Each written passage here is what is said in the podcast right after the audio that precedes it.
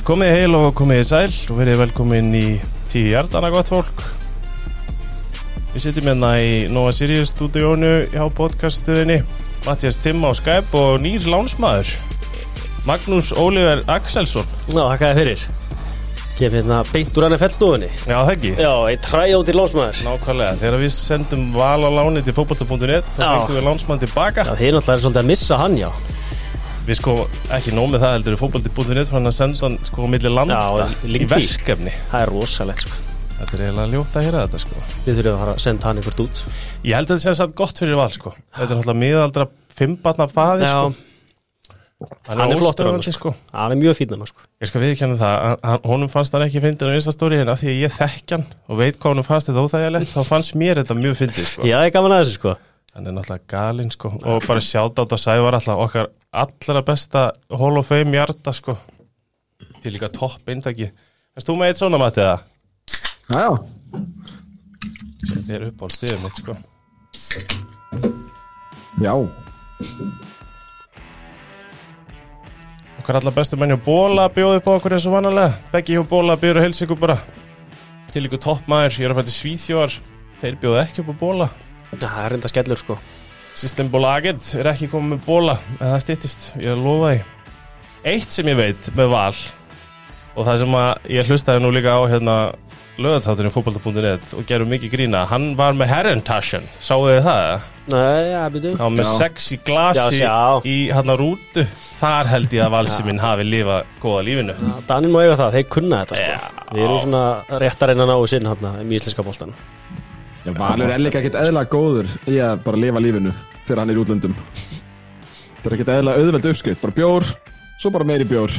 Og íþróttir Já, Það sem er svo fyndið við það líka er að það sést Hann þarf svona átján bjóra til þess að byrja að sjást eitthvað á honum og það er alltaf augun sem gefa Það er mjög, ég er mjög gaman að það sko. Ég sá það í gær þegar hann var Við, fengum skilabóð, hann var að labba í, í lestina að minn maður var búinn að fá sér átján Hann var á 19. Það var komið tíma á lestina hjá hann kallar Bestu hver og hann. Byggi býðið síðan að heilsa, hann er bara lasin. Það er bara staðan á hann um kallgreinu Annars væri hann örglega hérna með okkur. Ég ætla að eiga inni hérna næsta mál. Maggi, hvað segirðu? Velkomin í tíu hjartana Bara þakka ykkur fyrir. Bara, hérna, ég er bara góður. Ægi, Bara, hérna þú ert náttúrulega æstur í að tala um NFL Já, ég gera það svona eins og þið sko. Já, Þannig að hérna bara geggja að vera komin og svona þegar maður er í fríi frá þessu, frá mínum dæmi þá er bara heiður að fá að koma hinga sko viltu kannski segja, segja mér bara aðeins frá því hvað, hérna, hvað er málið hérna? Af hverju eru við að fá þig á láni? Þú veist, NFL stofan er bara því miður farin í smá frí Minn maður Alli, hann hérna er að fara eignar spann og hann er prinsum bæður og hann sinnir því hlutverki 100% og hérna hann er náttúrulega frá eigum og hérna hann sér svona í raunum alla vinnun á bakvið þáttinn, ég mæti og bladra Já. og hann sér um rest og hérna það fer hans mikil tími í þetta hjá honum fyrir hvert þátt, þannig að ég, ég skil hann. Og það er líka bara allt í læg þá takið þið bara sviðsljósi þetta hérna höstið Svona einu sinni? Svona einu sinni, já. Nei, við bara hérna nýttum okkur tækifæri Þú heyrir í okkur og við heyrum í þér. Já, já, Við er ekki að bara fá þig- ein fjölskyld allir hérna.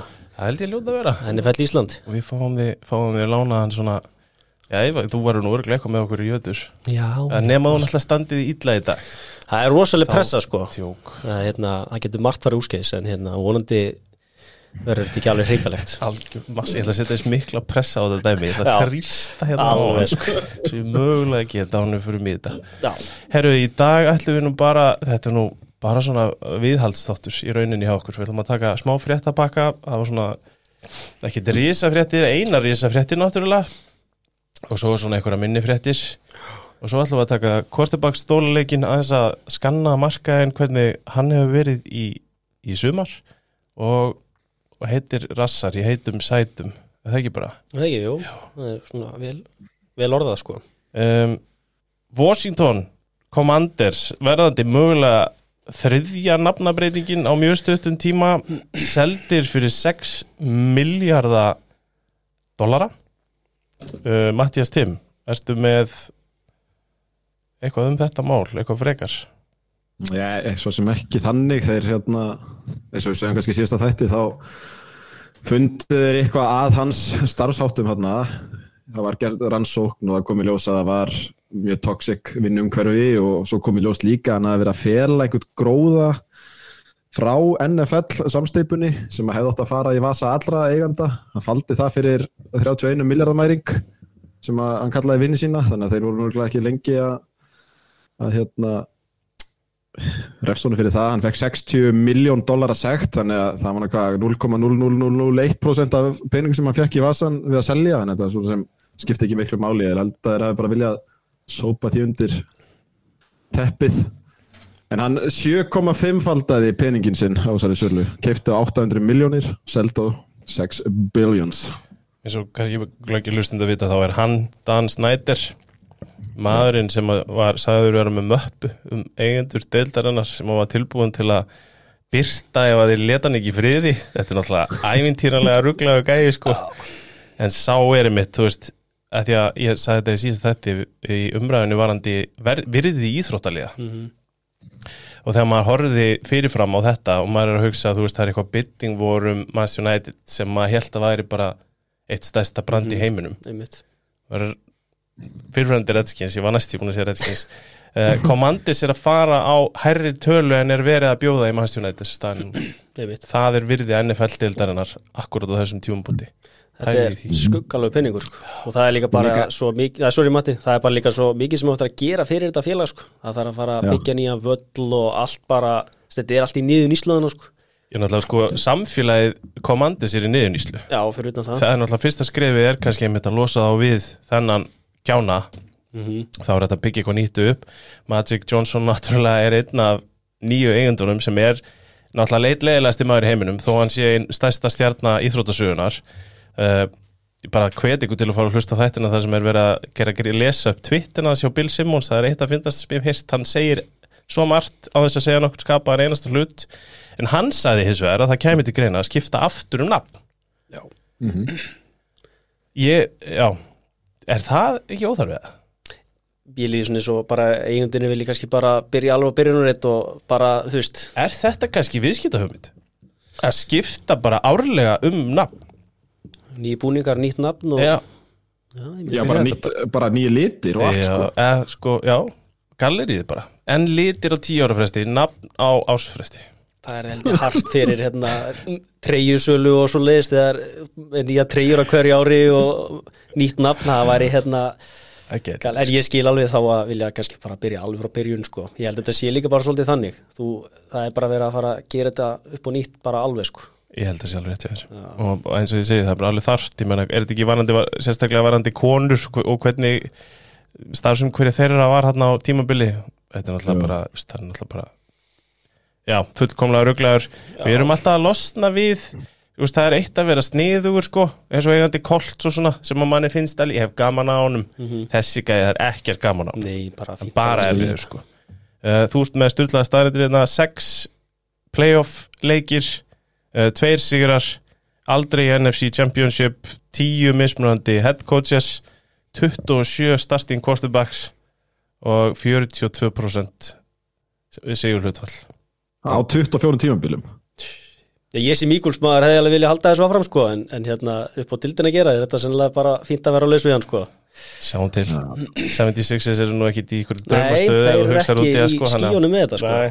Er, hérna, það er hægt að fara á móti erfæra samfélagin Ígulsmunum sko, eða fylli fólki. Þetta, ég hef pínu gaman að ég mitt sko, að gaurin sem á Philadelphia 76ers eigi núna lið í sama riðli og Eagles. Þetta er, er áhugavert sko. Já, þeir, þeir eru ekki ánæðir sko. Þannig að, ég var ekki einu svona búin að pæla í þessu. Þetta er geggjaða punktur. Já, Joe Harris greið, sjáum til. Herðu, ég sko stundum skrifar Martin fréttir inn í skjölu mín og ég veit ekki alveg hvað ég á að gera við running back drama textaðina því að stendur ekkert meira. En Austin Eckler helt vissulega sumfund og ég er ekki inn í þessu, ég er búin að vera að fljúa svolítið mikið. Uh, en ég sá samt frétt um það að allir helstu running backa deildarinnar hefðu hist á fundi til að ræða framtíðstöðunar í samningamálum, getur það verið rétt hjá mér? Já, þetta er ein, Og- eitt af rugglegasta sem ég hef heyrt já sko það sem er líka ekstra ruglað við þetta er að jú, þeir mæta þarna saman og hann býr til hennan zoomfund það sem er alltaf að ræða hversu þving, eða sko þjappaður þessi running back markaður er, sérstaklega eftir Saquon Barkley og Josh Jacobs og allt þetta. Ég held að uh, hann hérna Nick Chubb hafi verið síðasti running backin til að skrifa undir samning sem er meira virðið en 10 miljonir á ári eitthvað í þrjú ár núna eða eitthvað kjaftaði sko. En kjara samningarnir eru eins og þeir eru baka NFL og rosalega svona konkrít hann er sjö ár eftir á hann sko. Já. þannig að þeir, þú veist, eins og Nick Chubb sagði bara eftir hann að fund á bladamannafundi bara, það er ekkert sem við getum gert. Það sem að fer gegn okkur í rauninni það að ef við hefum gott tímabil þá er hann nota gegn okkur því þá hlupum við svo oft og þá er sagt að við séum ekki lengur feskir þannig að þú veist, þetta er, þeir eru rosalega handjátnaðir með hann helvitis kæra samning og þessar samninga sína sko. Hvernig finnst þér uh, hvernig finnst þér staða hlaupara í NFL-deildinni vera? Hvernig skilur þú þetta? Bara helviti slæm sko. Veist, tökum dæmið svo Isaiah Pacheco. Já. Hann er núna hvað á leiðin inn í annar ári sitt? Hann er 24 ára sko. Mm Og hann er sjöundar án sko. Og með einhvern hann hleypur til dæmis. Kraftunum sem hann hleypur veist, Hann verður búinn eftir fjögur ár sko. Þá er þetta bara leikmaður sem var tekin í sjöundumferð Og yngum launum. Þannig séð Og hver er að fara að sæna hann mögulega bara í einhverju algjöru hakki Eftir tvö ár Þetta er bara, þú veist, ef við tökum dæmi bara hvað þetta er framtíðin er lítilan í þessari stöðu sko. Við höfum líka séð sko, hlaupara sem eru, sko, held í síðustu sjö ár hafa, sko, leading rusher í dildinni verið 24 ára á meðaltali. Þetta eru bara gaurar á sínum fyrst tveimur árum í dildinni. Það er einmitt, er ekki bara Hen Henry sem maður getur bent á að hafi ennst vel, kannski Aaron Jones þú veist, Já, ágætlega já, en ekki eins vel og Henry. Henry samt orðið fyrir stórum meðslum en kostur yfir hann er að það skiptir engum máli, hann kemur aftur tilbaka og lítur nákvæmlega eins út. Ég er með svona hálfkláraða hugmynd um það að vætri síver markaðurinn miða við hvað eru margir að koma inn. Allt í hennu síðustu hvað, 2-3 árin þá er bara 7, 8, 9 first roundis inn dadadadara, muni ná þessu. Þetta, þetta svaka stökk sem kom í kringum Jefferson, Adams samningana Hill samningin og þetta það muni jarðtengjast á einhverjum tímapunkti skilur Já, já, já, klárlega sko. Við munum, við munum ekkert eiga slæmt vætri síverklass aftur sko. Með hvernig reglunar eru og hvernig college-leikurinn er að þróast sko. En þessi, þú veist, þetta running back dæmi það var einhver nafnlaus GM eða executive sem sagði ég myndi frekar drafta running back í first round hlaupa hann í jörðina í fimm ár og hlaupa hann síðan á fríðtækmarkaðin en að borga stóran running back samning sko Nei, mitt. ég Þú held veist, þetta er bara þú veist, það vinnur ekkert með þeim Nei, nei. Það er bara, þetta er- umulegt fyrir þá, en þú veist, maður skilur þetta alveg, það er fólk, það er bara liðir að fara að brenna sig á þessu trekk í trekk ef þetta væri væri að fara að borga um þessum mönnum, sko. Það er bara, þú veist, klindu hugmyndinni. Þetta, er bara óbúslega erfitt. Þetta er, þetta er staða sem vissulega þeir náttúrulega fara allir í segja þetta skiptir svo miklu máli og la la la. Já, það er alveg hárið hjá ykkur. Bara, og maður finnur, ég finn alveg mega mikið til með þeim. En það er, úst, hvað er hægt að segja? Þú veist, maður getur ekki heldur eins og ég og Valur sögum um daginn. Þú veist, ég er þetta trilltur ef að núna myndi eitthvað mæta og framlengja til 5 ára fyrir 15 miljónir á ári fyrir Aaron Jones. Ég myndi trillast. Já, það er 100%. glórulust og þess vegna er maður svona, þú veist, þetta er rosalega erfitt en það, þú veist, lausnin einmitt eins og ég segi, þetta er sjö ára skýta klessa sko Já, ég meina, mínum menn bara er í svipari stöðu, þú veist, Miles Sanders sem er að koma sínu langbesta tímbil í dildinni, þú veist, það var ekki eins og spurningum að láta hann lappa frá, sko. Og nú eru Panthers að borga 7 miljónir fyrir árið og meðan við erum með fjóra í herbyggin okkar fyrir sama verð. Já, ég rauninni er spenntari fyrir því sem þið eru með núna Penny en og- ég, við vorum með í fyrir og ég er eitthvað mest í 100%. Miles Sanders maður landsins sem er mjög erfitt erfitt stað að vera í sko. Hann klúraði Superból fyrir okkur. Já, Hot take, akkur fjórða tilurinn, fjórða einn í fyriráleik. Það var sannlega vest lesna hlaup sem ég sé hjá hlaupar á æminni það er bara pressan fór svo með hann það, hérna, var bókstælega að gefa honum hólu fyrir bakveg þess að frábæri sóknarlinum til að hlaupa í. Ah. það er nákvæða að hlaupa svona út fyrir og, og fleia þessi á hafseguna hjá okkur. Tímiður en fínkur Ég elska svo, þegar svona hluti sitjum þetta er svo rángstæðan á móti stjörnunni hjá mér með FH sko. já, já, ég mun aldrei glemja henni þegar Kassi minu minn trilltist sko.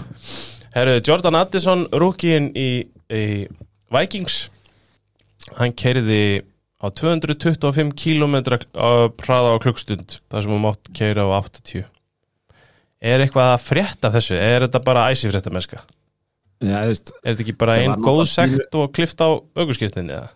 Æ, þú veist, út af hérna Henry Ruggs málinu er NFL heimurinn svolítið viðkvæmur fyrir svona máli. Þess vegna held ég að þetta orðið svona stórt en með það sem ég hef lesið við sem er ólíklegt að hann verði settur í bann max tveir leikir til að, út af því NFL á það til að viðstur í akta með eitthvað svona stórt eins og henni raukstæmið og s- slá á puttan á honum en minnst líklega að það verði samt engin leikur. Á að senda mannin í leikbann fyrir að keira og hratt Þetta er, þetta er svolítið mikið hratt.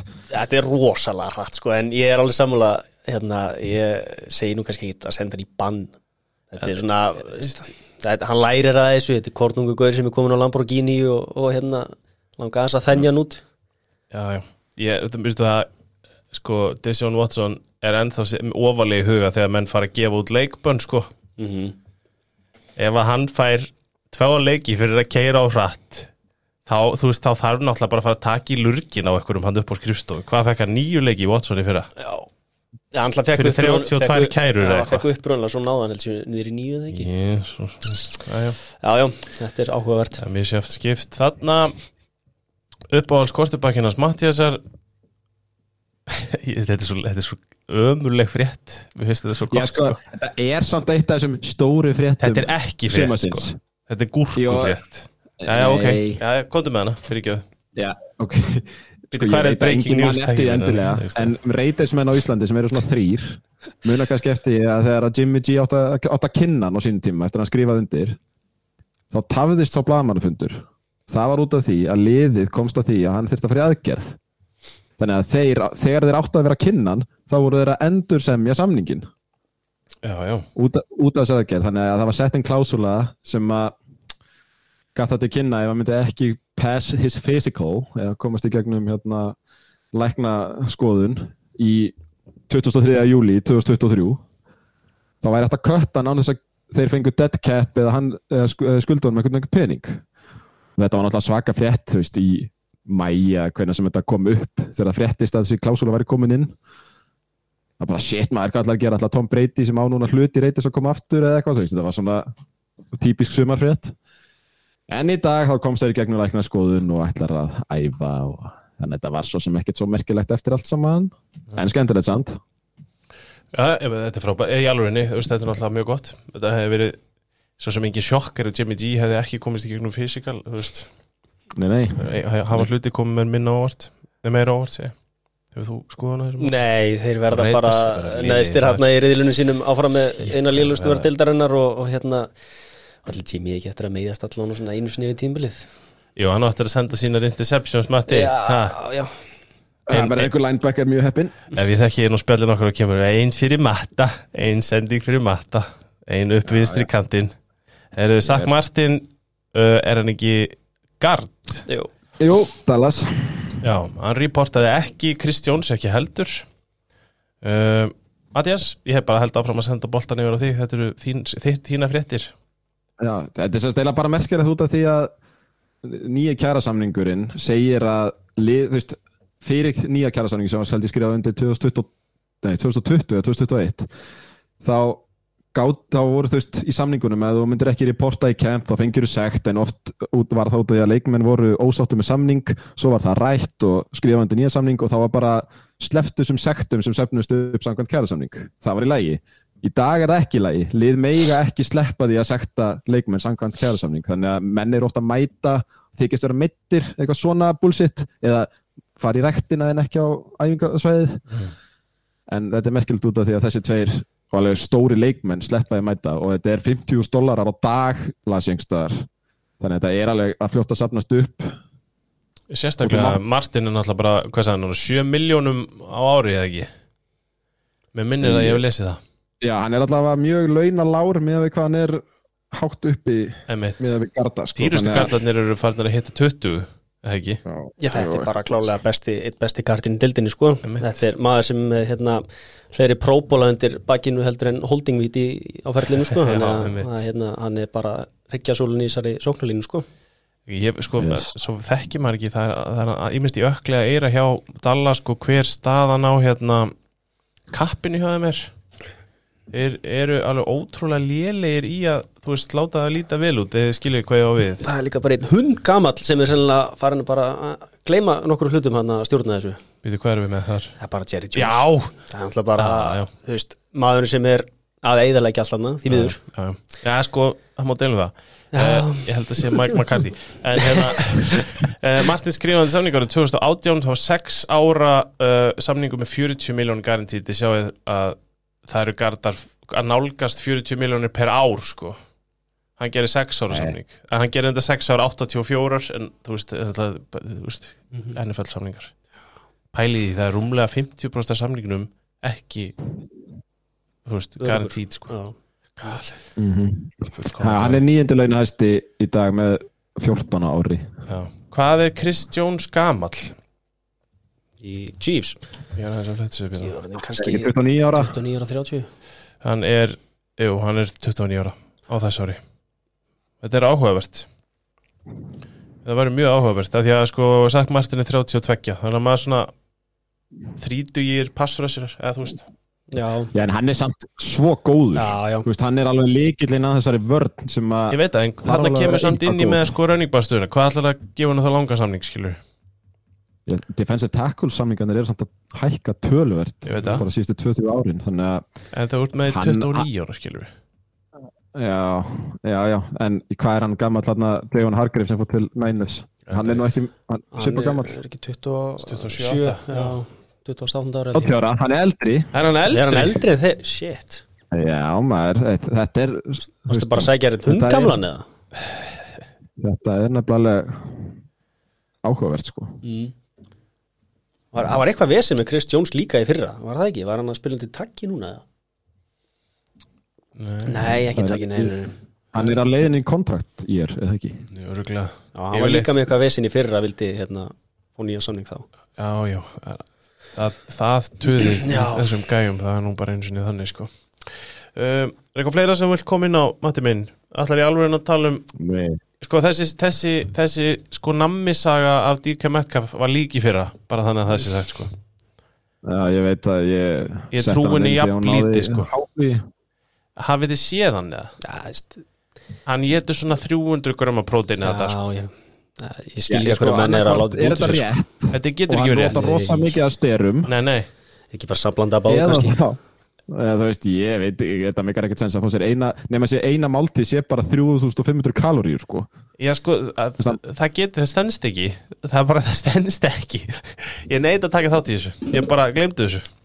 Þú spilar ekki þetta sport á þessu mat Nei, nei, nei, nei. Það er bara ekki sén, sko. að sko lítur ekki svona út. Og svo núti þá Gæin er eins og sko, Herkules Ég teki þátt í þessu Mattias Hann er að ljúga þessu, sorry. Hann er lígari Nei, Herru, quarterback stólaleikurinn uh, Pælingin hér er sem sagt að bara svona rétt aðeins rúlla yfir um, hreyfingar af því að það eru óvinnu mikið af hreyfingum á quarterbackmarkanum í sumar.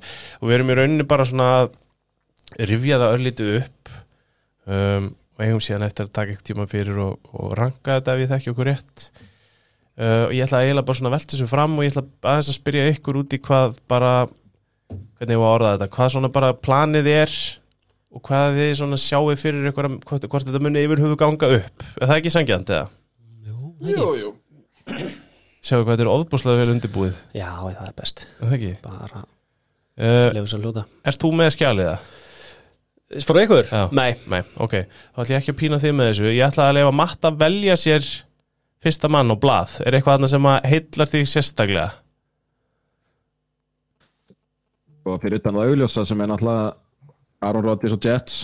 Stu fáum einn einn auka Super Bowl contender inn í umræðina sem er náttúrulega geðveikt og svo er núna þeir komnir allir í camp þannig að við verðast einhvern veginn að hafa verið fyrstir eða hvort þetta sé út af því að þeir eru Hard Knocks eða út af því að þeir eru frá New York en Twitter er að fyllast af Aaron Rodgers, Garrett Wilson highlights hjá mér bara þannig að og þú veist, beatwriterarnir eru gjörsanlega að trillast eru að sjá alveg í fyrsta sinni síðan 2010 eða eitthvað. Þannig að það er hype skiljanlega og hann er líka að mæta í camp í fyrsta sinn. Hvað, hann var ekkert að mæta í camp í Green Bay?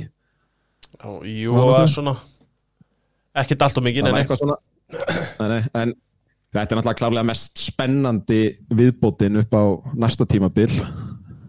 Þú veist, það er bara hann er með gegja vörn á baki sig, gegja gæði til að kasta á, þú veist, þetta er alltaf svo spennandi og þetta var eitt af þessu liðin sem við tölum um að vant var one QB away Hvað segir þú Maggi?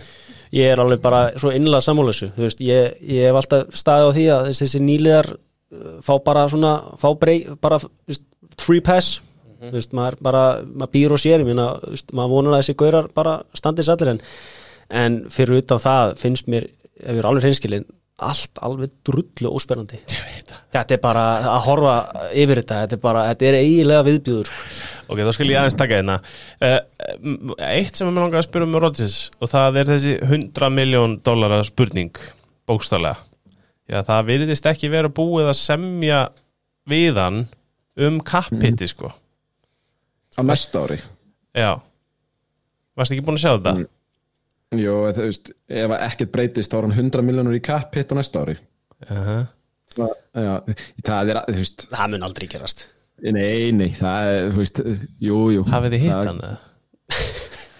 Já, en þú veist, það, ég held að það þýðir samt ekki að hann fái meiri pening í vasan, það er bara liðið er miklu meiri skít, þannig að jú, þeir þannig sé þurfa að drífa sig en þeir hljóta að vera með svona handshake undir borðið bullshit í gangi, því að það er ég er ekkert vissum að, en deildir myndi leifa þetta, bara já, þeir eru með, með 100 miljónu í cap hit út af einum gæði sem hætti út af hann sko. reykt eitthvað svepp sem hann fann Hvað mennur?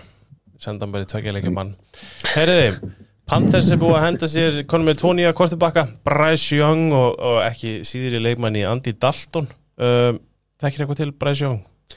Já, bara, uh, þú veist, já, já, eitthvað en er, þessu? þú veist, maður getur hort á eitthvað teipur háskóla og leiki en, þú þegar þú skopir í ellinfell þá það bara, það er annar level, sko þú veist, þú berð þetta bara ekki saman, sko þannig að ég held að þetta sé bara fínt dúo hann að vera með Andy Dalton undir sér, sko, ég held að þetta sé bara fínt gaur að vera með, Sammála. þannig að, veist, já, ég er náttúrulega, að það var smá sjokkerand að sjá hann standa fyrir aftan hennar sóknarlínuna sína sko. það var, veist, ég, ég hef áhyggjur af því því miður hans vegna, hann er pínu lítill sko. Það Kyler Það var ekkert eðrilega gott Já. Það leit á þess að það var í Photoshop það var eiginlega óþægilegt sko. veist, bara en jú, þú veist, ég segi með þess að alla þessu ungu stjórnanda, ég vona bara einlega að þeir- standið en það verður ekki há prósenda sko. Við þurfum líka bara á því að halda af því að, Ó, ég, veistu það, árið í fyrra þegar við vorum að fara yfir tímabili fyrir tímabili, þá var maður bara, heyrðu þú veist, maður fann, allt í einu fann maður bara að það vantaði Drew Brees og það vantaði bara alla þessa gauðra sem að, þú veist, Matt, Matt Ryan gat allt í einu ekki neitt lengur, það vantaði hérna, býtu það bara stólur mig maður sem getur ekki hægt eignast börn, hérna. Riversin Riversin þú veist, allt í einu þegar þessi menn fór að tínast út þá voru, deildin var bara ekki tilbúin það. Nei, nei. en þú veist, svo eru náttúrulega með þessa, þessa sem við veitum öll hverjir eru. Mm. en ég átti þessa umræðu hennar í fyrra líka það, við pælum að síði hvað eru margir stjórnendur sem eru bara bara er ekki góðir Já. Veist, við erum bara með allt og marga lélega stjórnendur í veist, lélega Þú veist, ég segja þannig að við erum að bera á sama við þess sem eru góðir í dildinni sko.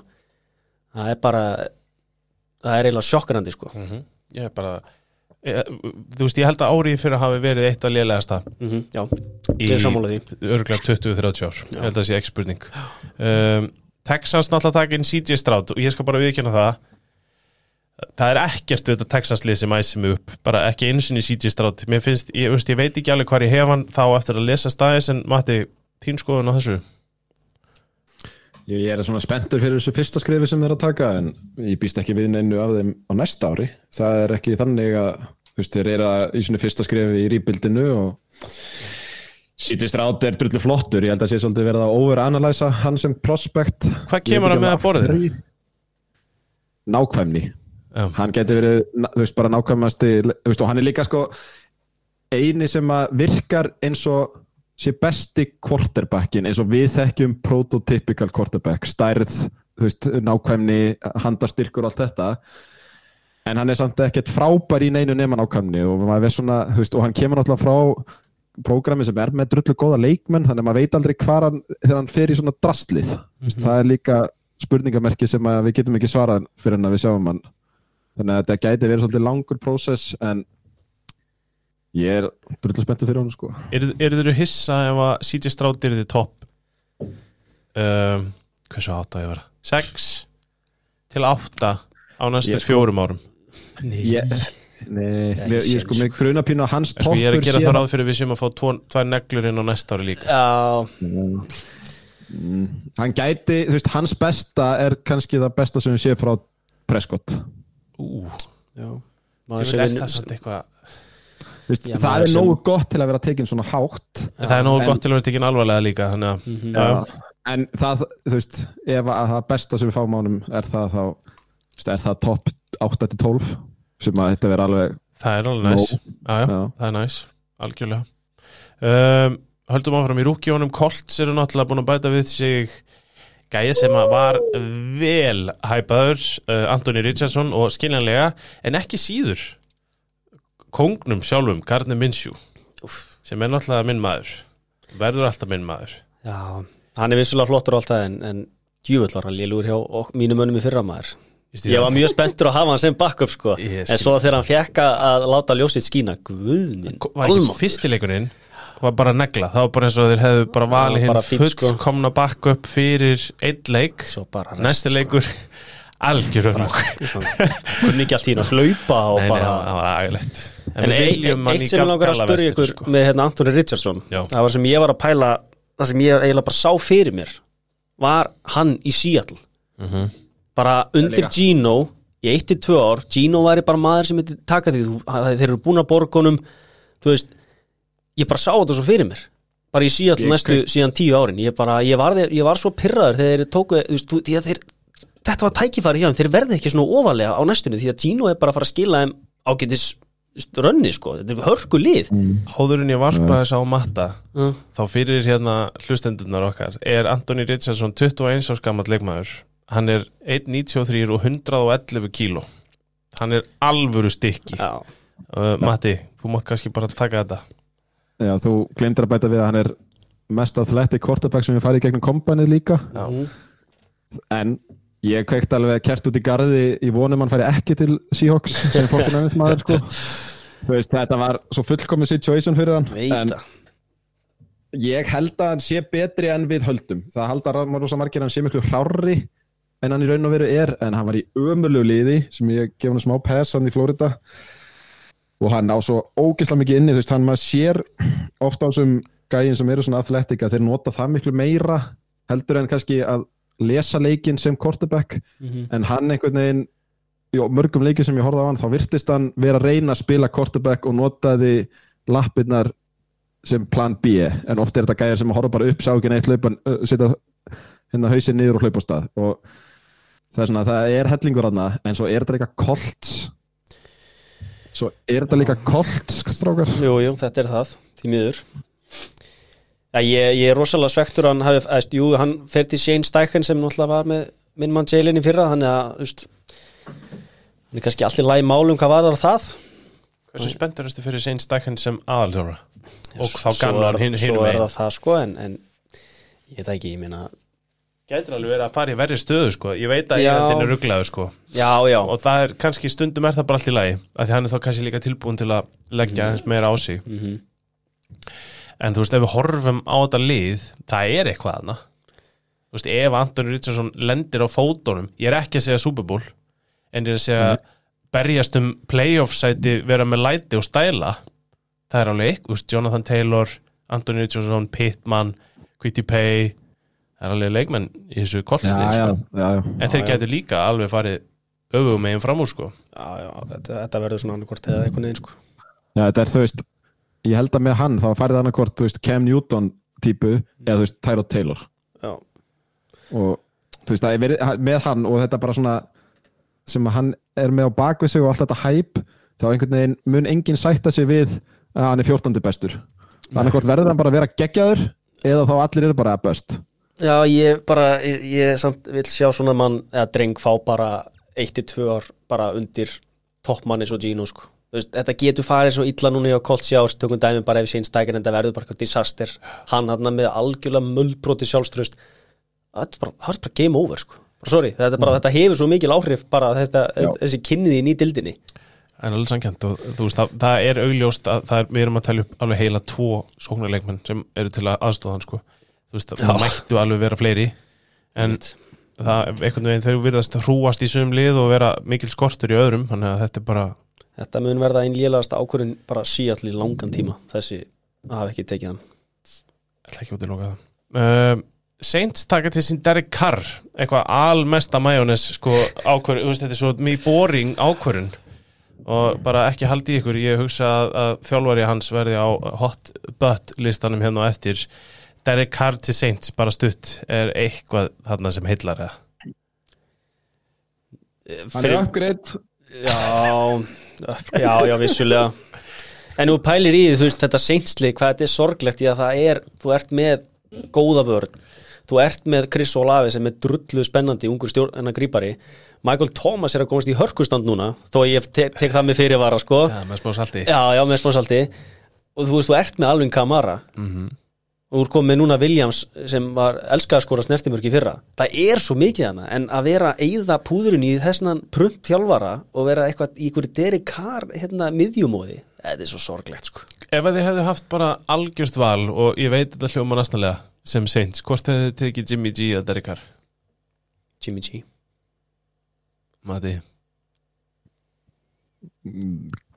Carr Ég sá Derek Carr spila með mínum eigin augum í fyrra á móti, sko, á móti Texas og ég er ekki að grínast í ykkur. Þa, það kom nokkur sem fyrir að mér hlópar á hann í vasanum. Í alveg, hann, hann ber sér svo illa og hann hefur svo lítið svona authority í vasanum að það er eiginlega ekki hægt að útskýra það fyrir því bara myndi actually sjá þetta sko. Ég, Hann er náttúrulega rosalega lítill kall. Já, Bara bara- sér það er allir blokkaðar á Twitter hjá honum. Það er bara lítill kall sem er að reyna að vera alltaf stórkall ég er með hérna, mjög hálfbakaða kenningu um að hann sé dökkar og Andy Dalton sko. Það sé bara engin munur á þessum tömum mönnum sko. Andi Dalton er samt bara miklu meira humble gæi sko. Já, er bara sé sem, brúður. sem bara leikmaður. Já, leikmaður, Það er bara já. þakið er bara þar. Það var einn ein leikur í playoffs og þú gast mögulega unni hann. Búið, þú veist. Ef að liðið var fullkomið í kringu því eins og það var í kringum Andy Dalton, Major Green og, og, og það apparat allt saman. Já, já. Hann, um, hann má eiga það að hann er stundum óhrættur Jimmy er náttúrulega hrættur að taka lungu skotin og taka sjensa og Carr er aðeins óhrættari Já, og svo sem kannski eh, hendar ágætlega þegar þú ert með ef að Thomas spilar. Slantbói, svo kallar uh, reytist taka náttúrulega Jimmy G er sem búin að taka á því held ég alveg nóg. Veist, ég, það er eh, svipa mikið milktóst einhvern veginn fyrir mér. Þetta er sama uppskrift sko. Nema liðið náttúrulega er bara skelfilegt í kringum hann er uh, í besta fall er þetta hliðaskref fyrir Einmitt. reytist einmitt. Titans taka vel Will Levis við munum ekki fá að sjá hann í eitthvað tíma. Uh, þar verður Tannehill sérstaklega, bæta við sér Hopkins. Það held ég hafi útilokað Levis frá því að spila fyrstu 8 til 10 leikina nema sko Tannehill bara verði eitthvað disaster. Það er líka bara allt í lagi. 100% Já, það er bara betra ef eitthvað er sko. Algjörlega. Ég, þannig gæja, ég hef bara ég hef enga trú á hann ég, bara, ég kem inn í tímabilið, ég hefi þegar að taka Já. annan gæja frekar hátt sem ég er bara eitthvað, e, þú veist, nei, held ekki. Ma maður er náttúrulega setur majónus í kaffið og borðar banana með hýði þannig að Gera það betur. Þú hatar það. Já, ég, fíl, ég er ekki hrifin ekki mikil Eðlilega. aðdándi Eðlilega. Uh, Buccaneers taka náttúrulega Baker Mayfield hlustið í kæl hlustendur. Þetta er glatað. Þetta eru leikmenni sem eru þú veist, Baker er að fara að starta sko. Herri, þetta er gæði sem að fór upp í flugvél á sunnudegi á lögadegi og vann leik fyrir Rams á sunnudegi sko. Eða hvað þeir gerði það, voru ekki margir sem munu leik fyrir Rams á sunnudöfum í fyrra. Ah, Mm. nei, nei, nei, nei, nei, Nei, nei. það voru ekki margir. Það var ekki svona ásundi Það var nætuleikur Var það mánudegi? Það ekki? Monday night. Ah. Þetta var samt bara góð tilhörn hjá þér, hún var heðaleg uh, Commanders er að bæta við sér Jacobi Brissett. Hérna eru komin í bakkupana uh, Falkónstaka Tyler Heineke Heineken, þessu stendur, takk fyrir það Mattias, gott grín, reyndir að fella mig þú veist ekki, Denver, Jared Stidham það sko það er gæi sem að er í alvörunni möguleiki á að spili ef að Wilson skýtur í heið fyrstu fjóruleikina Hvað hva finnst ykkur með það? Sko, Sean Payton kom inn og, og Wilson. Ég held að Sean Payton hafi svo litla þólimaði fyrir því ef, að- ef að Wilson eru lélugur mm. Að stitt, ég hata það ekki að þeir hafi tekist þetta Nei, ég, sé above average backup já, já, já Ég Sáum það alveg, í sko. fyrra Já, var hann ekki á reyndið sér fyrra Kom hann inn og gerði Bara bara í fínasta mót sko. Hvað segir maður þetta? Já, ég tók þetta nú ágætlega fyrir í síðasta, þar síðasta, þú veist, ég held að Peyton kom að inn með alvald og bara eins mikla stutta óla hann getur á Wilson með hvernig Wilson bæði spilaði og hagaði sér hann í fyrra, þannig að það gæti alveg svolítið vel dýrt fyrir Denver en örgulega voru þetta því að hann eins og ef alveg hefur rétt fyrir sér þá er hann bara búinn. Ég held að þetta sé fínt fyrir Wilson því að hann einhvern veginn held ég kom inn í þetta denvilið og bara fann fyrir pressuna að hann verði einhvern veginn að vera bara andlitið í öllu. Mm. Vist, hann var það ekkert alltaf hjá síðall það var bara svo mikið annað virkilega gott aðna sko. Þannig að svo fyndi með gauðra eins og hann sem að maður upplifið mjög stört að- að langi rosalega mikið að vera allt. Derek Carr. Já. en þeir bara bæði kunna það ekki Nei, nei, og hafa bara alls ekki veist, hafa ekkert í það að Nei. vera allt sinnebið skilur sko. Og þá náttúrulega kom inn að sköllóti vinnu minn, hvað heitir hann Hackett, gaf honum bara algjört frelsi og það Hann- er bara það sem að þú veist, bara, fólk var að kalla eftir og það bara hefur aldrei gengið upp. Það bara gekk vi- ekki upp. Hann vissi náttúrulega bara ekki neitt greið Því miður. Nei, nei. Ætli hann verið það sem að felli Jets í ár? Nei, ég segi svo. Herru, síðasta hérna Dolphins tóku besta uh, leikstundar Jets í fyrra og sett hann á bak við túa, ég held að það sé mikið heillaskrif. Ég er mikill Mike White maður ef þú ert með hans í backupin. Bara að hafa það eins og það er. Já, Mér langar ekkert að hann starti hjá liðinu mínu, en nei. ég get ímyndað með margt verra en að hann þurfa að stökkva inn leik og leik og spila. Já. Þetta er leiðilegast spurning í heimi sem ég ætla að leggja fram hérna Yes. Þeir eru náttúrulega að fara úr Teddy Bridgewater í Mike White í backupstöðunni Eru þeir að downgrada sig? Nei. Nei, ég held ekki Ég var eiginlega svo, ég var svo ánaður uh, bara svona inn við hjarta að sjá Mike, Mike White fá bara 28 miljóna samning bara eftir bara Já, fínt mótana hjá. Jets sko Skyler Thompson hann hjá þeim í fyrra var, veist, hann var bara settur í alveg ómögulega stöðu sko. Já, já, veist, bara. Hill var bara alltof fljótur fyrir hann sko. Hann hefur bara ekki, veist, hann hefur, ekki hugsað svona hratt á þau sko. Hýl alltaf farin þegar Já, hann já, hvað er já. hann var hann farin gaman að því. Nei ég hugsa að hérna ef, ef að hérna ef að Jets mættu ráða þá væri Mike White backupin en ekki ekki ljósarði Mhm. mömmu serðirinn knái það er alveg klart mál. Já, í alveg tala sko. Ég held að sé bara þeir eru fastir náttúrulega meðan hvað heitir hann? Zach Wilson. Zach Æ, Wilson. Zach Wilson, sko. Fullkomin samt Korterherbæk herbyggja á Jets. Já. Rodgers tala ekki um mömmu sína þannig að það er ekkert drama í gangi. Hvað sagði, tala ekki um mömmu sína? Ta Rodgers tala náttúrulega ekki um mömmu sína þannig að það getur ekki verið neitt drama á milli þeirra. Að tala ekki um bróðu sinn. Það hljóta að vera ljómandi samskipt á millan hans og pappans allavega. Hætti með konunni sinni Hvað ég fyrir það ekki? Hitti vera? Í, ítrekað, hann skila þeim alveg eins og í bunkum sko. Svo hann búin að finna náttúrulega einhverja einhverja uh, nord. Já, það hendar honum kannski bara fínt Það ekki? Ég ætla ekki út í loka Já, ég held að Ég ætla ekki út í loka Herriði um, að lokum ætlum við að svona aðeins að líta yfir það sem að okkur finnst vera heitustu sætin uh, Ég ætla að leifa þér að vera nummið þrjú. Já, Ég veit ekki hvort þú ert undirbúin undir þetta. Jú, ég tók, ég tók Já, aðeins saman með litlum fyrirvara. Maggi alveg þetta sko. Uh, Á ég að byrja? Æja, Það kemur kannski engum óvart en í heitasta sætinu fyrir mér er uh, ekki Mike McCarthy. Heldur er það uh, stórvinu minn Brandon Staley. Mhm.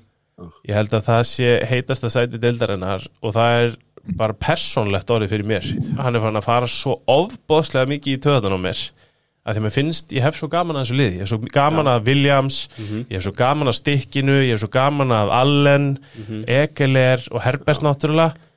Og aftur er það bara þjálfarinn sem heldur liðinu bara nýri Sko, ég, ég er mjög samlar Hann er fyrir mér á heitu sæti. En ef þú pælir líka í því bara hvað er illa reikið batteri hana Þú ert með Justin Herbert sem er bara, þú veist, fyrir öllum eitt svo allra mest spennandi stjórnum dildrennar með eina lélugustu sóknulinn dildrennar og hvað gerður þau núna? Sóttir einn sóknulinn mann. Og það var í fyndu umferð. Þetta er bara, ítrykkuð heimska Já, Mér finnst eiginlega meira sviki í því að hafa Joe Lombardi svona lengi í starfi en af því að þeir, þeir sko, ég skal gefa þeim það þeir reyndi eins og þeir gátu sko að hnupla sóknarlínumönnum af pakkast til að þjappa í stíplunar eða þú veist í, í skurðina sko. Já, já. en það náttúrulega bara gekk ekkit upp.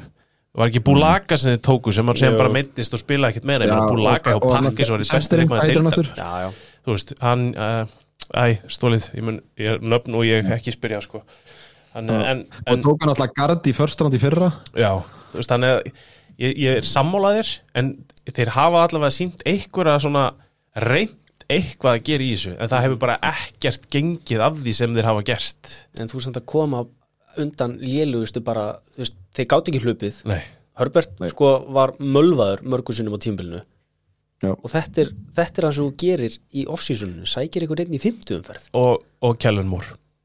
Sem að ég held mögulega þú veist, sé einn uh, ofpeppaðasti sóknar þjálfari deildarinnar gæinn sem að hérna Ég- hlýtur Ég- á ég að þurfa að bera honum, ég, sko. ég er alveg sammálaðið, Já. hann hlýtur samt að þurfa að bera einhverja ábyrð þó ég elski að varpinni allir á Mike McCarthy Mhm. það losa sér samt við hann sko. Já, Ég held pínu að, þú veist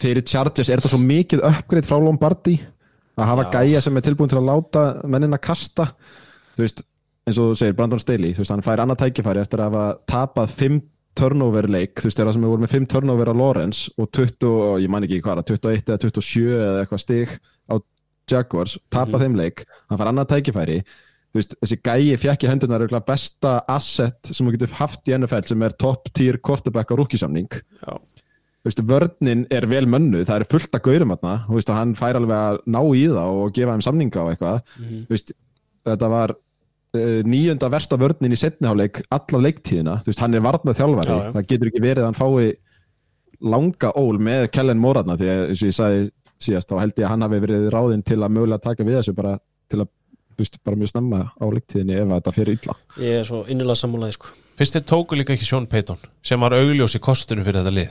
Hugsið ykkur ef þeir hefðu bara tekið Payton og, og, og Kellen Moore þá væri, við, þá væri ég bara ég, ég, ég, ég, þeir væru mjög ofalega á, á og eins og við rættum um daginn. Sko kappitti sem er coming their way Já, er rosalegt sko. Sko. Þeir Líka, þið, ef þið pæli bara aðeins í því þú veist, við tölum alltaf um að Eagles og 49ers séu með best mannaða hópin þú veist, 1 niður í 52 Þetta er bara stjörnulið sko.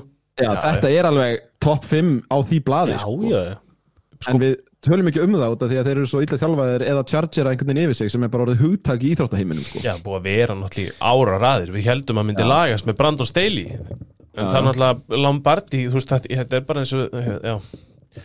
Það þýðir ekkit að ráða frábæran hérna, Þetta er bara pakka sem búið að lendi í þessu. Það þýðir ekkit að ráða góðan aðalþjálfar Og vera svo bara með ekkert á bakveðan Patriots gerði þetta í fyrra og er að reyna að laga sér núna. Sjáum hvað, vonandi verður þetta mikið happa fyrir á.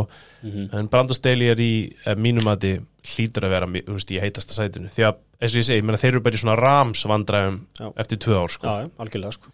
Uh, og með bjóð þér að taka næsta nafn, Takk næsta, já, ég er með hérna Kevin Stefanski Mér finnst hann bara hérna það er einhvern veginn orðið bara ekkert að frétta hana finnst mér, veist, hann er búin að vera í þrjú ár byrjaði vel fyrst og, og svo er hann búin að vera niðráðið bara síðan. 8 og hann er 9, 2001 7 og 10 núna, þú veist, ég veit að stjórnandamálin voru erfið en ég finnst bara einhvern veginn vera hana með Watson. Þú veist, þú ert með vel mannaða vörnana undanfærin ár.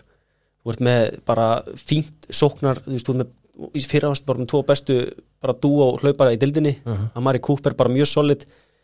En ég hef bara, ég hef svona gött feeling að þetta verði disaster í ár. Já, bara þetta, þetta er búið að vera niðróið og það bara virkilega haldi áfram.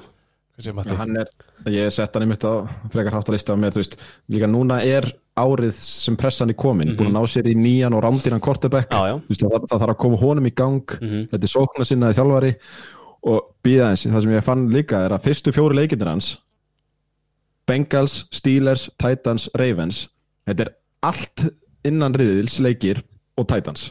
og ég skrifaði einmitt að, þeir fara 0 og 4 í bævík og hann verður farin Það er Þú veist, þetta svo var- First coach fire Já, bet, mætt að svæði þetta verður bara óbóðlegt og Watson verður disaster og þeir verða bara það verður allt bilaðan í Cleveland sko. Ég fíla þetta Ég bara bæta ég við hérna að þeir eru dýrasta lið eldrarnar 266 miljón dólarar í ár. Pældi í þessu sko. Miles Garrett kosta sitt, Watson líka. Watson náttúrulega er á sko, svífyrðilegsta samning sem að pældi í, hann er svo dýr og hann tókst ekki einu sinni að resetta markaðin það voru allir bara, það tekur engin þátt í þessu. Sko. við erum að fara er level bara, niður, þetta er bara án sín nót það er bara þessi hérna, mannfíla sem að færa þessa peninga. Ég er alls saman ykkur uh, og hann er eiginlega sko, þetta er þeir eru nokkrir í svona svæði sem að er hálf undrandi að þeir séu ekki farnir. Já, og það er ofbúslega vondið mitt að vera með alla þessa pressu frá bara fjölmiðlum út um allt þar sem að fólk er bara undrandi og sérst ennþá í starfi komandinn í nýtjómbil ég meina sjáu þið eitthvað annað fyrir en Browns verða ekki í fjórðarsæti þetta Bara- er ofverfiður í sko. Já, þetta er það. Það Steelers hafa ekki enda neðstir síðan sko 1988 Nei, Það er ekkert að fara að breytast, þeir verða bara feskir í þriðasætinu sko ég þetta, þetta er allavega ekki ég hati þetta ekki, ég hati þetta teika ekki. Og þú veist, þeir eru, já, þeir eru í mikill að hætta að enda neðstir, eins og við skoðum power rankingsið, þá er klárt mála Ravens og Bengals eru fyrir ofan. Já, og um, eins og segi, ég, meina, ég held að þið getur með besta þjálfur í deildinni með Steelers já, al- Já, hann, sko. hann er, hann er upp er sko. Já, það er klárt. Herru Matti, þú er næsta mál. Mér finnst eins og líklegast um gæinn til að vera rekin eftir, eða þú veist bara fyrstur Todd Bowles Já. Þetta er ógeðslega leiðilegt svar og auð- auð- einhvern veginn auðvitað giskið og það er einhvern veginn kraftaverk ef hann heldur velli eftir þetta tímabil þú veist, hann er settur í stöðu þar sem hann eiginlega getur bara tapað Mhm. uh, hann er með já, umulega kortabekkurúm gamall lið þú veist, þetta er svona einhvern veginn á leiðinni niður eftir breytið í uh, era sko Já. þannig að þú veist, mér finnst þeir ógeðslega líklegir til að vera bara með ógeðslega ferskan ungan, góðan kortabekk sem er tóku topp 3-4 og vilja para hann við einhvern nýjan, ungan, spennandi sóknarheadcoach Mhm. Ég mitt sé fyrir mér að Bowles klárið þetta tímumbil og verði rekin eftir að svona Texans stæl um, og verið, ég heldur taki bara gallerið og hreinsið út, taki bara Leftvits í leiðinni annarkort verður Leftvits hann er headcoach. alltaf rekin sko. Ha, hann er farinn. Já, hann er farin, já, fyrir ekki, alveg rétt. En ég ætlaði að segja, Todd Bowles 34-50 sínd okkur allt sem við þurftum að sjá á sínum tíma hjá Jets sko. Mm -hmm. hann var skelvilegu þar og svo náttúrulega þegar losuðu sig við Arians sem er held ég uppáhaldstjálfari minn í allra tíma. Kongurinn þá var þetta þá skítaskref hjá hann er bara einn af þessu þjálfurum sem er bara held ég bestur í koordinator stöðu bara. Er meina, bara einn af þeim, hann er bara þetta er svo mikil toppmaður og, og bara hann geti verið besti defensive coordinator Algjörlega. defensive coordinator deildarinnar. Mhm. síndi það alveg- undan, ég meina þegar þeir voru að vinna með Bruce Arians sem head coach og Leftvits og, og Bowles Já. það, ég meina það var eitrað. Mhm.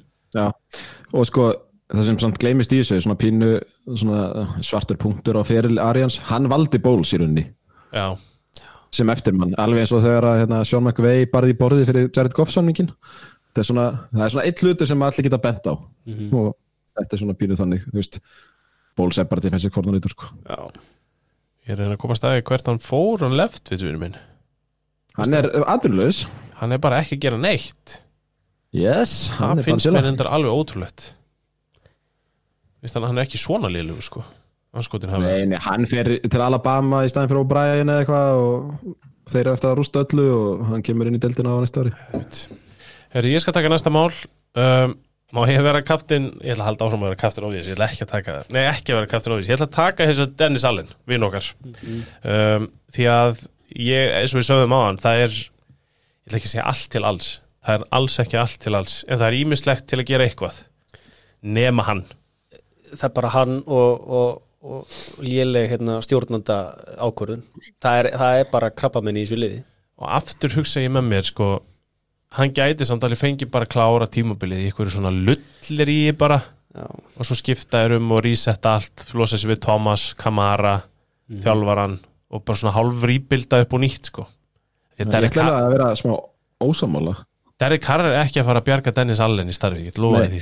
Ég- Þetta lið er í einhverju svona win now mentality út af því að NFC South er svo lélegt í ár. Mm að hann verður bara að byrja stert til að halda þessu sko út af því að þú veist, þeir ná í Carr út af því að þeir halda að þeir komast á í play-offs. Þú veist, Carr er náttúrulega eigilega besti quarterbackin í þessum riðli.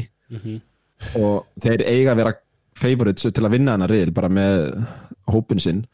Þannig að þetta er svona þeirra ár sama hvað þessu alvarlega maður getur tekið í sko en hann er svona pínuð eins og Todd Bowles. Bara góður defensive coordinator, ekki head coach. Ég veit ekki alveg akkur hann er þarna og akkur hann fær að vera þarna ennþá.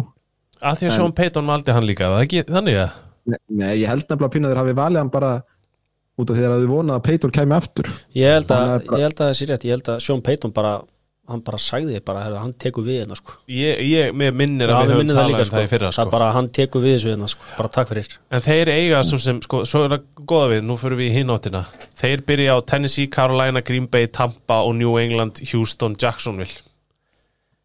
eh, hann er alveg líklegur til að vinna ansi marga leiki og hanga bara inni hann eitthvað fram í, í bæjavíku sko. Þetta er náttúrulega ógeðslega góður hópur sko svo er Colts, Bears, Vikings Atlanta, þeir eiga sko sketsjólega er brandari Já, þeir eru með, þú veist, auðvitað sketsjóli samkvæmt einhverjum fræðum. Og þeir gæti alveg verið Minnesota Vikings þessa ás. Já, tekið 11 leiki bara. Úf, hvað ég vona það ekki maður. Mikið vona ég það, mér er ekkert gaman að þessu seinslið sko. en máli er að það sem við getum treyst á er að þeir muni senda sko uh, Kamara í fjórleiki í bann eða eitthvað, svona alveg upp úr þurru bara svona rétt sko rétt eftir að vera óbærilega löng byð þá kemur ákvörðunin og svo meiðist Michael Thomas hann missir á medicine bolta á tann á sér. Og lafi fara enn heila ristingin Já, en, en við getum trist í að Michael Thomas færi samt ekki fyrir í mars, Já. þannig að hann áttir að vera alveg á leiðinni í allan vetur. Hann vil bara landsum að frí. hann elskar gott sem að frí sko. Þetta var eins og því ég verið í dag þá vissum maður alltaf að nokkri gæðar myndi koma eftir prísið og voru Já, hættir já, já. alveg þangað til prísið svona á búið. Spila síðan þá kom vinnum með Guðmundur Peðisson aftur á æfingar. Herru, Maggi, næsta leik. Er ég er með Matt Uberblues Chicago. Já. Ég finnst bara hérna á, sko, og ég byggi það líka svolítið á því bara hvað Justin Fields er að tala sig upp sko. Hann, þeir eru að búa til pressu bara á sjálfansi sem, sem ég veit ekki alveg hversu gott það er. Þú veist eh, þú ert að spila Chicago Bears ekki fara að gera upp eitthvað vonið þú sett að fara að kasta yfir fjögust stjarta sko. það hefur enginn gert það áður í sögu félagsins eða hvort það er yfir fjögust eða fimmust en enga síður er ég á því að þetta lið er mjög spennandi Þú veist, mér, mér finnst þetta spennandi hópur og, og þar leðandi er bara komið drullu helvits pressa á honum að bara að standa sig sko. það er búið að bæta upp í bara virkilega mikið af stöðumann og ég minna og horfir á sko, Darnell Mooney sko, ég sá eitthvað myndband um daginn þar sem var tekið saman sko, öll rátrönnunans sem Justin Fields var að missa. Þessi gaur er að náðu einhver smá separationi sko. svo allar er DJ Moore í það og einum hund, húðlötum Chase Claypool vissulega. En svo sækir veist Robert Tonjan úr með Cole Kemet sem bara var mest underrated til tætandi dildinni fyrra. Og með hlaupagetun á veist, þetta, er, þetta er það er mikið hana. Og þetta lið alltaf bara að sigla aftur ykkur að þrjá fjóra sigra þá er bara, veist, verður blessaður vinnur sko. Leikillin í honum er líka bara að vera ekki lélegasta vörðin í deildinni eins og þeir voru í fyrra um, Já. með sko, já þeir voru lang neðstir í defensive DVOA í fyrra og það er alveg búið að gera eitthvað fyrir hann Mhm. varnarlega mér finnst náttúrulega bara, mér finnst það svo óspennandi þessi varnað þjálfara head coach move þetta er bara, þú veist, dildin er bara svo mikið að breytast. Að þetta er bara undantekningarlaust, gengur þetta bara ekki. Nefnir ykkur sárafáin tilvikum. Hugsi ykkur hvað Fangi og vinnu minn beði lengi eftir head coaching stöðu sem aldrei kom. Bears ráðan aldrei sem head coach. Svo er hann komin í eitthvað svona eitthvað eternal holiday dæmi þá ráða er Iberflus sem head coaches. Já, það er löngu búin að setja Fangi í þetta. En hvað séður Matti, Iberflus Já, ég er samanlega, hann var hérna á listaði mér, ég bara veit aldrei, þú veist, nákvæmlega hvernig Bers túlka hann. Þegar hann virtist ekki hafa neinar áhyggjur á sínu starfi þáttur að hafa fengið number one overall pick. Mm. veist, vörni var eins og það er umuleg þú veist, flest feng, stig fengið á sig lægstur í DVOA, þú veist, næst flestir hjartar fengnir á sig per play, fjóruði flestir hjartar per leik. Jújú, jú, þú veist, hann fekk sóknar staffi sitt til að aðlegast að Fields þarna einhver tíman, skipti ekki máli, þeir töpu öllu leikjunum en Fields lúkaði vel, þannig að það er smá hérna, mér finnst bara smá alltaf svo space fyrir hann. Já, mér finnst bara þessi blanda með varnaþjálfara og með drullu spennandi ungan stjórnanda. Þetta er bara combination sem finnst mér bara ekki virka. Og þetta er, Nei, þú, líka, þú, þú ert á að búa til þú veist líka möguleikin á því að hann sé alltaf að skipta um sóknaskím því að ef þetta er spennandi quarterback býr til spennandi koordinator, hann far headcoaching stöðu þá ert endalist að vera endun í þannig að Akkurat. ég er alveg sammála þessu við munum náttúrulega að kafa aðeins dýbra onni þetta setna en ég ætla samt líka að benda það að þeir halda Alan Williams sem er defensive coordinatorinu þeirra í sö- bara sko sögu Chicago Bears. Og hafa þannig least successful defensive coordinator in Chicago Bears history. Til hamingjum með það 3-14-0 þannig að þjálfara teimi varnarinnar hangir inni en þeim samt skulum benda á það. Að þeir losuðu bestu leikminna sína í fyrra. Þeir treytuðu þeim öllum í burtu eða sömdu ekki við á þannig að það er nú kannski til að gefa þeim eitt ári viðbútt Já, þetta er nefnilega svolítið þannig sko. En það kemur samt ekki dóvart ef þetta skánar ekki neitt af því að NFC North er náttúrulega bara hálgeru brandari sko. Er það? Ég- Þú veist, skoðum það setna líka. Já, þið sko, já, já, En já. þú veist, ég er ekkert að drepast úr hrifningu Þú veist, Nei, yfir Lions og Vikings Þetta er ekkert að æsa mig mikið. Þú veist, ég meina, það er engin Aaron Rodgers til að hræðast þarna lengur. By the way, ég tók fyrsta þáttina Kortebak á Netflix Þetta er bara mjög gott, sko þegar já, ég, ég, mér finnst þetta geðvegt sko. Já, ég, að, þú veist, ég þól ekki það, þú veist, þeir fara rosalega vandlega með Kirk Cousins, hann er rosalega svona vandlega framsettur Hann er líka bara svo einfaldur Þú, þú færði ekkert meira úr honum er sko. hann amerísk bíómynda fjölskyldu, þetta er svona jólamynda ræmu gæi, þessi mynd fær fjóra, sjö á E IMDb jólaræma, Við finnst það geggjaður sko. hann og konan hans eru það leiðilegasta, þetta er örgulega leiðilegasta fólk í heiminum, örgulega mjög gaman svona fínt að fara í matabóð Já, kurtist fólk fólk, sko. Ég, veist, konar smá hóms Mér mjúta þá alltaf Já, þegar já, hún fer í sko. alveg glóluleg sko En svona þessir þrýr saman í þessu þáttum Þetta er- þetta er skemmtilegt dynamik sko Já. fjölskyldan hann bara Konan hans er að velja og hann stuttar og- köflótta Já, skiltur Svo ertu með Mariota hann sem er náttúrulega bara greinilega algjör meistari sko Já, já. Lúmskaman á honum Og svo Já. Mahomes sem er náttúrulega bara eitthvað besti leikmaður Já. Og það var bara allt öðru leveli sko Þetta er vel sett upp En svo þegar hann trillist hann og tekur hann að I'm him, eitthvað Já, labbar, það já. er náttúrulega, þú veist Geðveikt, sko. Ég sæi Cousins taka það sko Það er þetta gott sko Það Það væri mjög það gott myndi líta skemmtil út Ég ætla ekki fara á landi í þetta Herðu, eh, eigum við ekki matta inni hérna? Ef að taka eitt ringi viðbútt síðan? Já, hvað eru búið með? Stefanski, Allen, Staley, Bowles Eberflus Eberflúð? Já. Þá, ég sko, ég ætla að leifa þér að eiga Mike McCarthy Nei, þú Ég- mátt taka hann, ég er með annað í Ég ætla ekki að taka Mike McCarthy, sko Ég er með þrjá eftir, sko. Já, ég líka. Já, ég ætla bara að byrja á Ron Rivera. Já, flott. Ég ætla ekki að taka hann. Ron Rivera mætti náttúrulega á sínum tíma til Washington til að vera svona fullorðið einstaklingur í leikskóla. Já. Og bara flott hjá honum. Hann hjælt meðalmennskunni lifandi. Það var svona pínu professionalismi þarna, þú veist, þjálfaralega séð og leikmannalega séð. En Washington hafa samt ekki unni fleiri en átta leiki síðan 2015 og hann hefur bara, já, haldið því áfram Vist, nýjir eigendur, nýtt andrúsloft mögulega nýtt nafn og ég veit ekki hvað og hvað. Vist, af hverju er hann gæinn sem vilt hafa sem andlit félagsins fram á við þau ert ekki með neitt annað? Skildi ekki? Ja, veist, þeir ætla náttúrulega ekki að reka hann þremur dögum eftir að þeir kaupa félagi sko, ekki að segja það en hann held ég að veist, ég held að hann viti það bara sjálfur að þetta sé bara búið Ég held ég sé sammálaðir og ég meina bara eins og maður eh, svona hefur lesið um hann þú veist, hann er prjólaðislega respektið Já. í deildinni Frábækur yfir höfuð en það er alltaf mótorum gæinn hefur ekki sko komist í sko hann hefur ekki unnið playoff leik síðan ég held um mitt ég held sé 2015 ég held að það sé síðan að MVP árið hans kam. Hann hefur ekki komist í, í play, eða, sest, eða sigra leik síðan þá. Og það er allt á mótunum þegar þú skiptir um eigendur hjá svona liði sko. Já. Já. þannig að ég held að það sé líka það sem mun fara með hann fyrir utan það að þeir hafa náttúrulega ekki geta læst niður quarterback að neinu viti, þú veist, þessu hæniki og þess að gæja, þú veist, þetta er náttúrulega bara úr gjössala útbrunni, sko. Já, já, það er bara allt nýðin í slöðana sko. eitthvað. Já, Já, ég þetta er bara, þú veist mér finnst þetta lið bara ekkert geggjað. Nei. Þú veist, þetta er, það, er, það eru svona B plus leikmenn út um allt en það vantar samt svona alvöru stjörnu.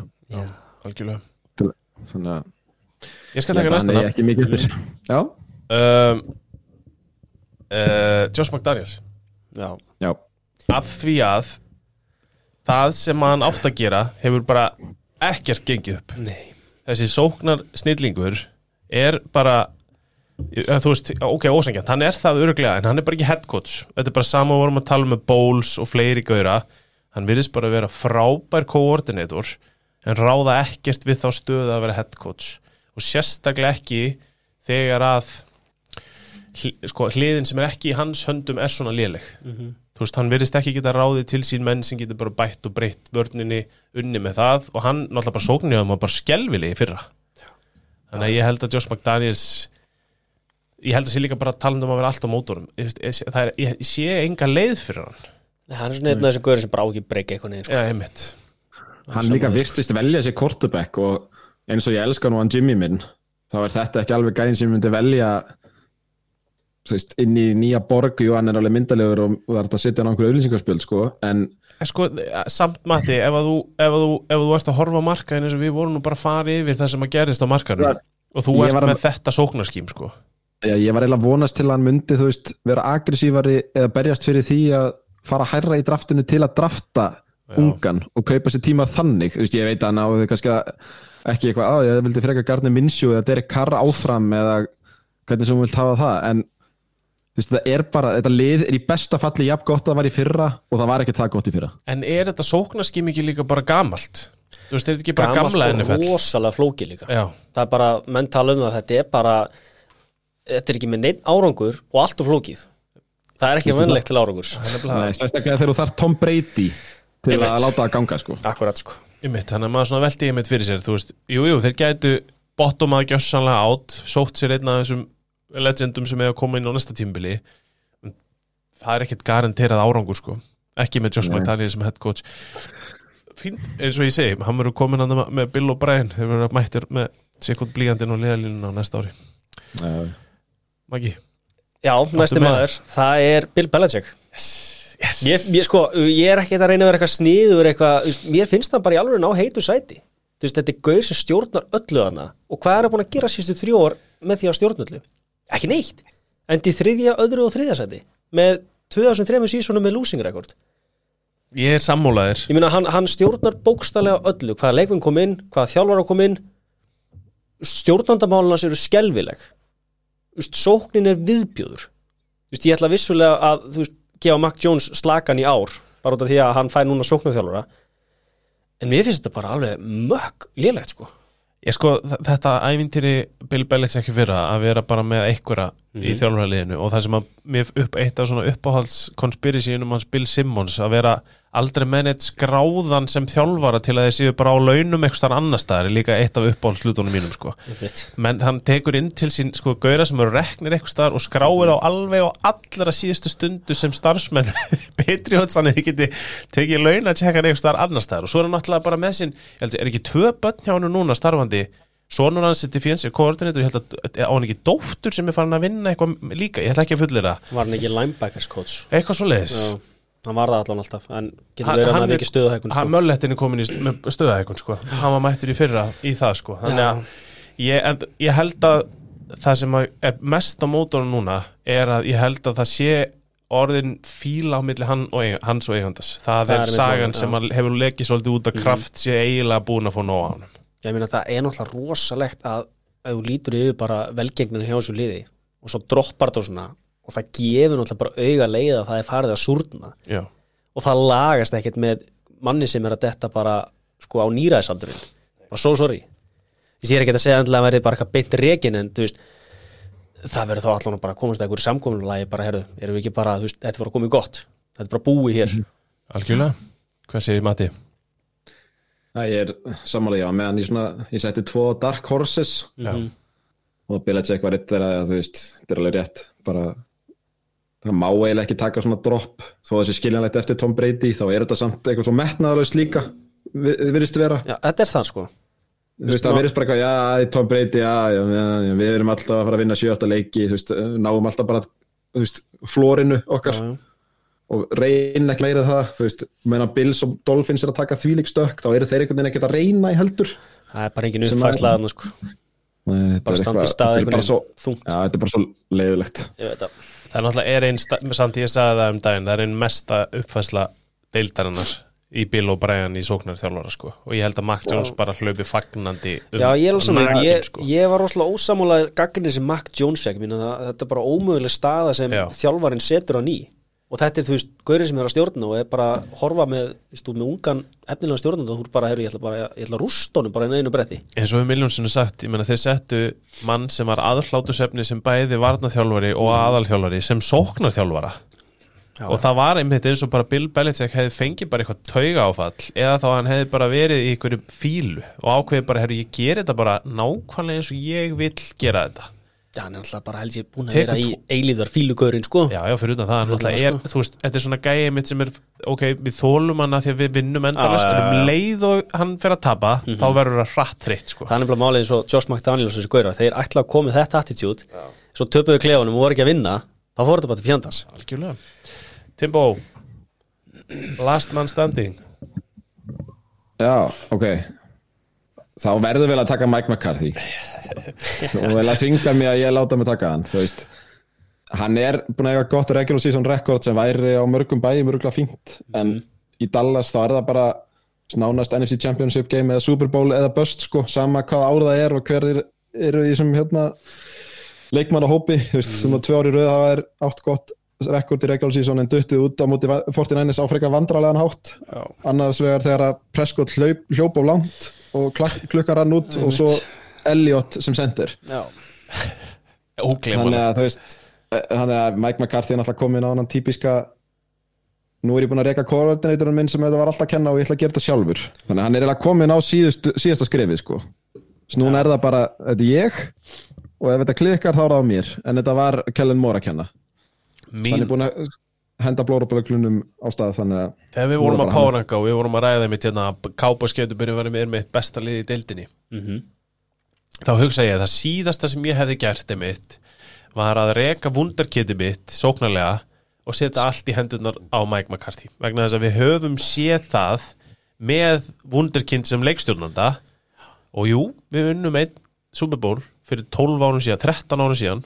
En ég er bara ekki að sjá það í nútíma NFL að Mike McCarthy geti stýrt sókn þannig að hann vinni titilinn. Mér finnst það bara líka hórandan hliðinu, hann hefur veist, hann hefur ekkert svona, mér líður svona hann hafi ekki stjórn. Þú bara svona horfir á hann og það er eins og hann viti ekkert hvað hann á að vera að gera. Þetta er bara svona, hann er hana hann lúkar taugaeklaður Hann er og er það, og meina og hvernig óskapar má hann að fara, að fara að stjórna þessu, þessu sóknabatteri ég held þetta verði af það er, það er allt til alls annað sko en þetta er bara svo illa rekið að það er bara illa hálf sorglegt sko Algjörlega. Ég hef sagt allt sem ég þarf að segja um Mike McCarthy. Matti, viltu bæta ykkur við? ég var með eitt Dark Horse, má ég henda honum fram Ég ætla að bjóða þér það, endilega. Já, já, sko, ég myndi ykkur heim það sem að Jordan Love getur ekkert og vörninn hjá Packers getur ekkert. Með, leik, með coordinator sem að Lefleur held í starfi eftir frekar lélegt ári fyrra eða frekar mjög lélegt. Gæti Lefleur verið á volgu sæti að minnstakosti þetta var bara svona, þú veist, ef að Jordan Love er bara skelvilegur og backupin hans er einhver no-name vörninn með sama koordinator það voru í fyrra ömuleg, þú veist, ég veit að líklega að reki hann og ráði nýjan og hann fær eitt ári viðbót. En bara svona kastaði út sem algjör dark horse Ég, sko, algjör Dark Horse held ég að væri hérna, mjög gott. Ég, ég um, þetta er basically já að nei spurning Þetta getið þið séð hann heim fyrir ykkur Nei, í raunin ekki. Vegna þess að ef að Aaron Rodgers væri þarna, þá svar- svari já. okay. uh, út af því að Jordan Love er sá sem hann er sem er eitthvað, engin veit um, mm þá er rosalega rétt, af því að ég held sko að, að varnaþjálfarinn lífið ekki af ef að þetta fer það svona. líklega sko. Og ef að þú ert komin í þennan þessi mál eins og þú ert að tala um svona slæm, þá erum við bara farin að pikka hátt. Og þá myndi ég ef að ég, þú veist, ég myndi ekki tata það ég veit ekki, hver, veit ekki hvert við ættum að fara til að fá endilega betri manni í að bilda með nýjan kostibak, skilur, ef við værum að fara í þá áttina Já. þú veist, Ég held að alveg smá léttir fyrir Lafleur bara aðeins að vera ekki með veist, þegar Rodgers var hana þú ert, alltaf, þú ert bara með drullu erfiðangur Já. og hann svona einhvern veginn held ég fekk aldrei að láta ljósið skína eins mikið og að fekk að skína veist, svona, en mér finnst líka bara þú veist, þú náttúrulega pakkarsmaður, mér finnst bara einhvern veginn, þetta er svo furðulega gert allt hana þetta er bara svona, ég skil ekki þetta er veist, eigendalöst lið þetta er eigendalaust lið. merki, merki, sko. og bara einhvern veginn þú veist, maður er svona haldið að menn myndi að, vilja koma í liðin svo þetta, bara historiið og bara veist, klúburinn en þetta er einhvern veginn bara ah, ég rættur um að þetta verði svolítið flatt annars sko. um, já, ég er eiginlega að vona skal Já. alveg viðkynna það okay. Ég held að við sittum í raun og veru pínlítið uppi með liðið sem átt að vinna allt gallerið í fyrra veist, og ég held að hérna ég það sem að ég, uh, uh, just, ég hef eftir kannski að fara betur yfir þetta setna það sem hræði mig rosalega mikið er hvaða er mikið hæp innan gæsalappa með lof eins og hann eigi Já. bara að koma inn og geta eitthvað. Einmitt. Að því ég væri miklu freka til að hann kæmi inn með alveg, ó, alveg óskrifa blað og væri síðan bara góður. Hann er alveg komið pressa á hann minna, hann er búin að sitja hjá hvað lengi minna, ég meina það, nú, íst, það er engin afsökun núna einhvern veginn. Nei, nei, Þú veist, og ekki, ekki byrjaði vel, hann verðist nú ekki að hafa mikla trúið sjálfum sér með samningi sem hann skrifaði undir. Ég bara, þú veist ég er einhvern veginn þetta bara mun fljóta sinn veg sko. það verður allavega ekki að leiðilegt og í fyrra, þú veist. Nei, og við sjáum bara til. Ég meina, þetta lið er bara mjög vel mannað. Þetta heldur verður bara dísent tímabil þegar þetta er að vera óþólandi í þessum riðli fyrir liðin sem actually er á því stíja þurfa að vinna eins og Já. Cousins og Vikings og Goff og Lions og það dæmi sko. Það verður pakkast að allra versta sem þú vilt af því þeir eru bara fuck it mode algjörlega, við erum með Já, já. rándýrt lið hérna við erum ekki með leikstjórnanda til framtíðar eins og staðan er í dag. Fuck it, bara gerum eitthvað setjum upp eitthvað og þarna kemur flórin það er það eina sem getur feltan ef þetta verður bara eitthvað algjört miltóst hjá honum. En ég sé þá ekki rekan. Matti, ég, ég væri til í samt þú veist, Nei, nei, nei, ég bara, þú veist ég var alveg heyrt Þetta var, um hann samt var verri inn á svona rýpil sko. listum svona, þú veist, first coach fired sem svona ell eftir líklegasti ég, eitthvað þannig. ég get alveg bara, en hérna, þú veist, ef að þetta gengur upp með Watson og, og þess að vætri sífira og ef að Love getur eitthvað þú veist, það væri náttúrulega það er eiginlega lauruglumál, þá finn ég bara til með öllum hinum liðunum í deildinni, sko. Þú veist, þá erum við alveg labin í fjórða tugin með leikstjónum deitt, sko. Það væri náttúrulega alveg bíla dæmi sko. ég meiri segja að ég myndi svona hálgjört skammast mín, sko Já, það væri bara eitthvað, það væri skríti bara sko. en ég, á, ég skal viðkjöna, ég ætti að leggja spytur yfir þetta pakkaslega því að það er mjög skrítið, sko þetta er Mér mjög finnst, skrítið já, mér finnst það, einhvern veginn bara ne- þeir eru nefnilega góðir finnst mér sko já, Já. Þú veist, Já. þetta er gott lið á blaði þannig að nei, náttúrulega En ég veit ekki hvaða upptökur hann á hann, hérna, ég man ekki hvað hann heitir varnaþjálfarinn hjá Bakka sko af Matle Flör, ég skil ekki hvernig hann lifið þetta af, ég bara Nei, þetta var oft á tíðum bara disaster sko. Ég, þetta, ég meina, hann heit, Joe, Joe Barry vinnu minn, Joe Barry. Sem er eins ógleymanlega hálgerur tvífari Vals Gunnarssonar. Ótrúlega sorglegt. Ótrúlega sorglegt. Uh, var eitthvað sem við komum ekki inn á þínu lista, Nei, komdu með eitthvað. Það var eitthvað sjóðandi heitur það meina ég vel lag. Sko, í rauninni var ég búinn að kasta öllu mínu fram Ég, ég finnst Allir Robert Sala væri á einhverju sæti heitu sæti, Jets. Ég meina, ef, ef, ef fyrir illa. En svo finnst, mér finnst alltaf bara eitthvað svo Þeir eru varnarþjálfarar með geggja stjórnendur. Mhm.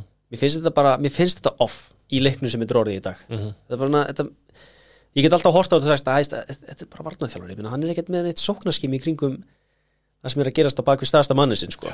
svona, Nei.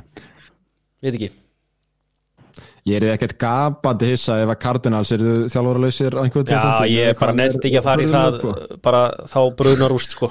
heldur að Gannon sé bara í heitu sæti átó það er bara stór veist, nei, hann er sko. ekki Hann er heitu það sæti náttúrulega. núna Þú veist, það, ég er ekki gapandi ef þetta færi hacketleiðina já, mitt hjá Denver þú veist, eitthvað svona áhörvendur að tælja niður klukkuna fyrir þá og hann eitthvað pjú, pjú, pjú eitthvað, og, þú veist.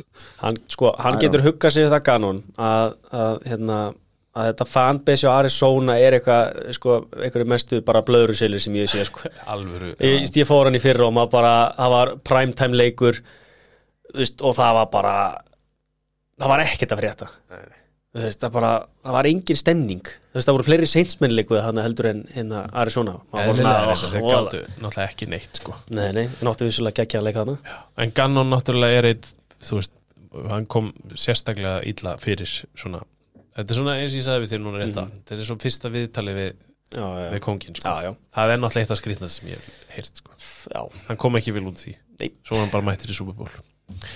Jæja, heyrðu þessi, við erum að, ég bara gleymi því hérna Bjarni minn, við erum að sjálfsög líka í búið Kansas, Pítunar, Safran uh, ég var að tala við konuna mína um það hvað ég saknaði Safran mikið uh, úr Hafnafyrir það var náttúrulega langbæsti staðurinn. Þannig að Bjarni opnaði Safran í Hafnafyrir aftur, ég held með þess að húsnaði sér laust aftur sem það var í.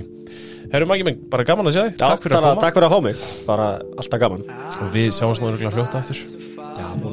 Matti, við erum að fara í undirbúning. Þetta er bara að gerast, bæða vegi innan við 50 dagar í fyrsta Red Zone. Og þetta er síðasti mánuður en án leikja í NFL Prísísson byrjar að sjálfsög í ágúst. Já, treiningkampið að fara að byrja bara í næstu viku. Þetta er náttúrulega bara það byrja á svona Já, Þetta er fullu. Þetta er gjössalega galið. Heyriði, ég ætla þá bara að taka fyrir mig. Takk fyrir að koma stráka mínir. Takk fyrir bara. Takk, takk. Bless, bless. Love you, bye